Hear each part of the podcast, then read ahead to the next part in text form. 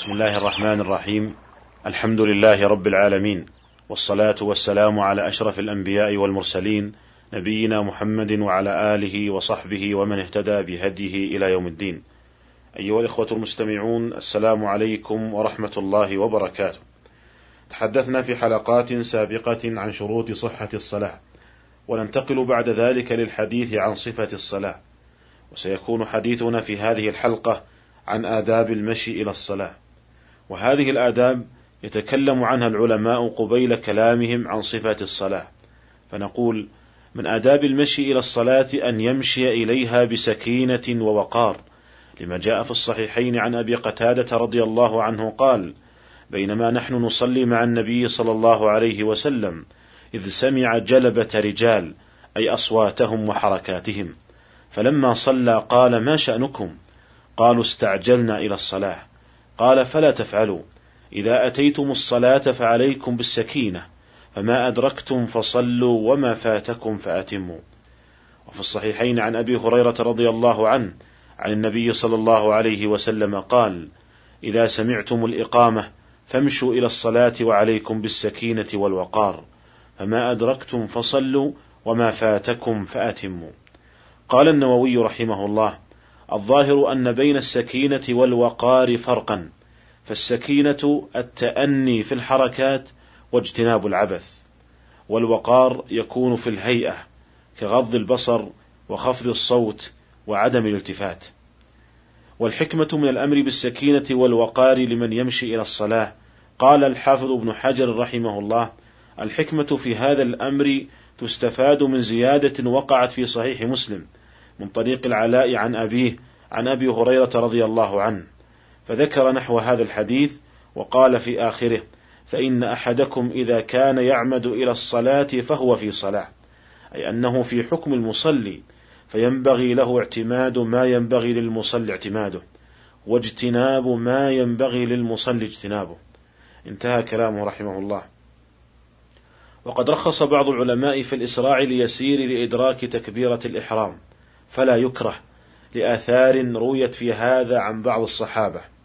قال الإمام أحمد إن طمع في أن يدرك التكبيرة الأولى فلا بأس أن يسرع شيئا ما لم تكن عجلة تقبح لما جاء أن أصحاب رسول الله صلى الله عليه وسلم كانوا يعجلون شيئا إذا تخوفوا فوات التكبيرة الأولى. ولا يكره كذلك الإسراع مطلقا إذا خشي أن تفوته الجمعة أو الجماعة. قال شيخ الإسلام ابن تيمية رحمه الله يكره الإسراع الشديد مطلقا وإن فاته بعض الصلاة. لنهي النبي صلى الله عليه وسلم عن ذلك. ويكره الإسراع اليسير إلا إذا خاف فوات تكبيرة الإحرام وطمع في إدراكها. لما ذكره الإمام أحمد عن أصحاب رسول الله صلى الله عليه وسلم.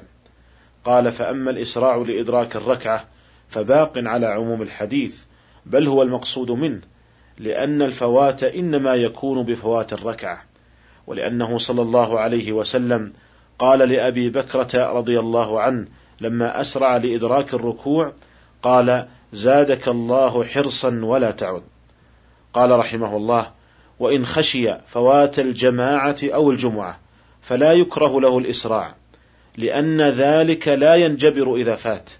وقد علل صلى الله عليه وسلم الأمر بالسكينة بقوله فما أدركتم فصلوا وما فاتكم فأتموا. فمن لا يرجو إدراك شيء إذا مشى وعليه السكينة فلا يدخل في هذا الحديث. انتهى كلامه رحمه الله. وينبغي للماشي إلى المسجد أن يقارب بين خطاه لتكثر خطاه إلى المسجد. فيكون له زيادة أجر لما جاء في الصحيحين عن أبي هريرة رضي الله عنه أن رسول الله صلى الله عليه وسلم قال إن أحدكم إذا توضأ فأحسن وأتى المسجد لا يريد إلا الصلاة لم يخط خطوة إلا رفعه الله بها درجة وحط عنه بها خطيئة حتى يدخل المسجد. وقد روي في هذا آثار عن بعض أصحاب النبي صلى الله عليه وسلم. وفي صحيح مسلم عن أبي موسى رضي الله عنه قال قال رسول الله صلى الله عليه وسلم إن أعظم الناس أجرا في الصلاة أبعدهم إليها ممشى فأبعدهم. وفي الصحيحين من حديث جابر رضي الله عنه قال خلت البقاع حول المسجد فأراد بنو سلمة أن ينتقلوا إلى قرب المسجد فبلغ ذلك رسول الله صلى الله عليه وسلم. فقال لهم يا بني سلمة دياركم تكتب آثاركم. والمعنى إلزموا دياركم. فإنكم إذا لزمتموها كتبت آثاركم وخطاكم الكثيرة إلى المسجد. أيها الإخوة المستمعون، ولا يدل هذا الحديث على أن السكن بعيدا عن المسجد أفضل من السكن بقرب المسجد، بل السكن بقرب المسجد أفضل، وكراهية النبي صلى الله عليه وسلم لبني سلمة القرب من المسجد لأجل أن تبقى جهات المدينة عامرة بسكانها، كما يدل لذلك رواية البخاري كما في حديث أنس رضي الله عنه أن بني سلمة أرادوا أن يتحولوا عن منازلهم فينزلوا قريبا من النبي صلى الله عليه وسلم. قال فكره رسول الله صلى الله عليه وسلم أن يعروا المدينة فقال ألا تحتسبون آثاركم؟ فقوله كره النبي صلى الله عليه وسلم أن يعروا المدينة أي أن يتركوها خالية. يقال أعراه إذا أخلاه والعراء الأرض الخالية.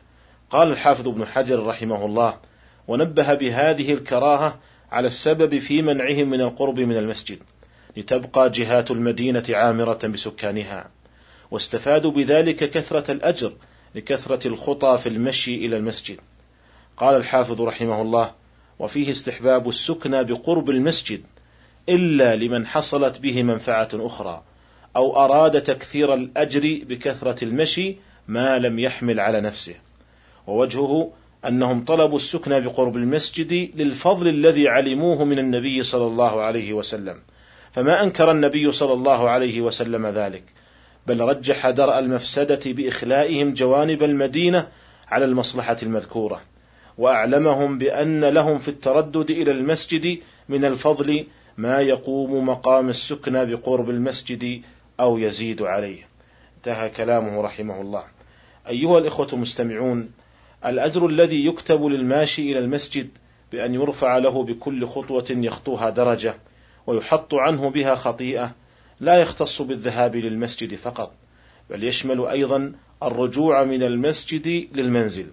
ويدل لذلك ما جاء في صحيح مسلم عن أبي بن كعب رضي الله عنه قال كان رجل لا أعلم رجلا أبعد من المسجد منه وكان لا تخطئه صلاة فقيل له لو اشتريت حمارا تركبه في الظلماء وفي الرمضاء.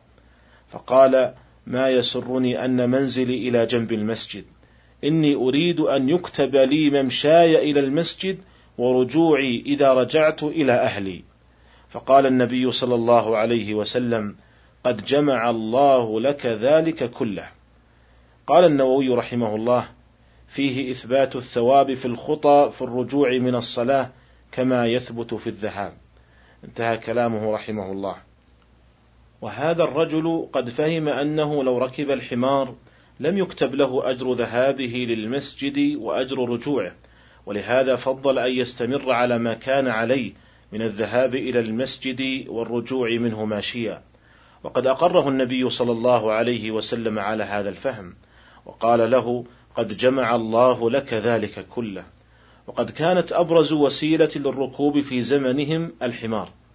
وفي وقتنا الحاضر من أبرز وسائل المواصلات السيارات.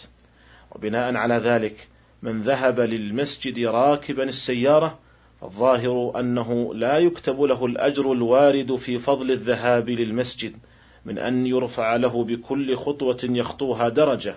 ويحط عنه بها خطيئة. وإنما يختص هذا الأجر بالماشي. ولو كان أجر الراكب وأجر الماشي إلى المسجد سواء لقال النبي صلى الله عليه وسلم لذلك الرجل إن ركوبك للحمار لا يمنعك من أن تحصل على أجر الذهاب للمسجد. لكن النبي صلى الله عليه وسلم أقر ذلك الرجل على فهمه في أن الأجر إنما يحصل للماشي فقط دون الراكب. أيها الإخوة المستمعون وينبغي لمن ذهب للمسجد لأداء الصلاة أن يستشعر أنه من حين خروجه من بيته فهو في صلاة. لقول النبي صلى الله عليه وسلم فإن أحدكم إذا كان يعمد إلى صلاة فهو في صلاة. وإذا كان في صلاة فينبغي أن يكون في سكينة في الألفاظ والحركات وفي وقار في الهيئة لأنه في صلاة أي في حكم المصلي. ولأنه مقبل على مكان يقف فيه بين يدي رب العالمين. أسأل الله تعالى أن يجعلنا من المعظمين لشعائره وحرماته وأن يوفقنا لما يحب ويرضى من صالح القول والعمل وإلى الملتقى في الحلقة القادمة إن شاء الله تعالى. والسلام عليكم ورحمة الله وبركاته.